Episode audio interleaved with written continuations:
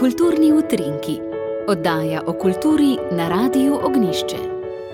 Dragi ljubitelji kulture, lepo zdrav v Ljubljani v sklopu nameravane prenove SNG Drama Ljubljana potekajo arheološka izkopavanja, ki so že dala nekaj zanimivih odkritij.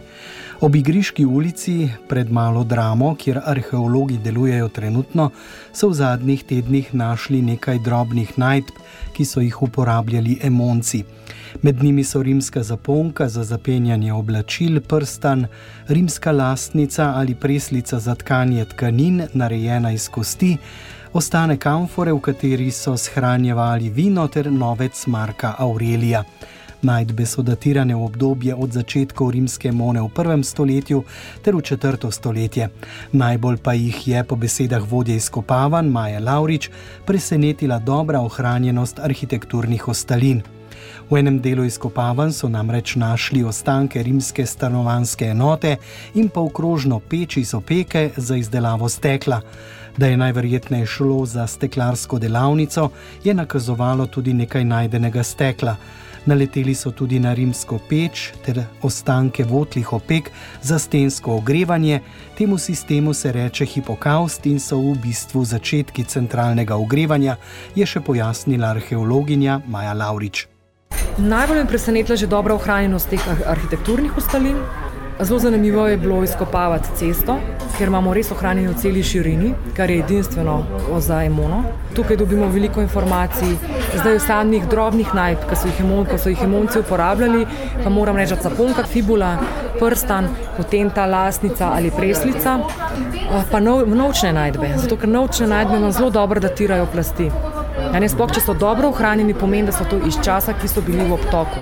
Tako Maja Laurič, Povejmo, da so našli tudi zelo dobro ohranjeno kloako oziroma kanalizacijski kanal, ki so ga v novem veku sicer prebili, ker so želeli izkopati vodnjak, vendar pa so ga na to uporabljali kot septično jamo.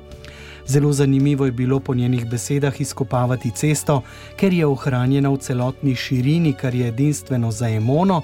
Nekaj podobnega je bilo pri Narodni in univerzitetni knjižnici.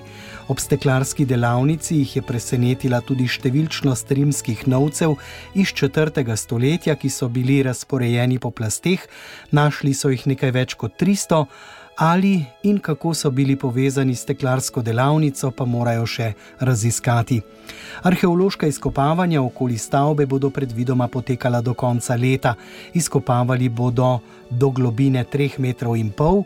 V ekipo je vključenih skoraj 20 ljudi, povejmo pa tudi, da arheološko najdišče dvakrat mesečno odprejo tudi za ogled javnosti, pri čemer je priporočljivo, da se zainteresirani napovedo pri Zavodu za varstvo kulturne dediščine dediščine Slovenije. Na Ptujskem gradu so slavnostno akademijo zaznamovali 130-letnico pokrajinskega muzeja Ptuj Ormož. Ta velja za tretjo najstarejšo tovrstno ustanovo v Sloveniji in je danes zlasti po zaslugi Ptujskega gradu eden največjih in najbolje obiskanih v državi. Muzej se lahko pohvali z zbirkami in oddelki za arheologijo, zgodovino, kulturno zgodovino, etnologijo, restauratorskimi delavnicami in drugimi službami. Njegov nastanek sega v leto 1893, ko so na Ptuju ustanovili muzejsko društvo in razstavili arheološke najdbe v tedajni nižji gimnaziji o začetkih muzejske dejavnosti na Ptuju in razlogih za ustanovitev muzeja, pa direktor pokrajinskega muzeja Ptuj Ormož Aleksandr Lorenčič. 130 let in z teh 130 let je pravzaprav muzej, muzej šel skozi lepa, manj lepa, pa tudi viharna obdobja. Treba je podariti, da so pravzaprav določene aktivnosti na področju muzeologije tekli že pred formalno ustanovitvijo. Ne. Sicer pa za eh, formalno, formalni nastanek štejemo leto 1893, takrat je bilo ustanovljeno muzejsko društvo. Kot je znano, eh, so takrat eh, skupina, lahko rečem, ljubiteljev starin, pravzaprav v prvi vrsti želeli preprečiti odnašanje dediščine, predmetov sosednjih gradec na Dunaj, vlasti arheološke dediščine. Eh, in za ustanovitvijo društva jim je to večji meri tudi uspelo.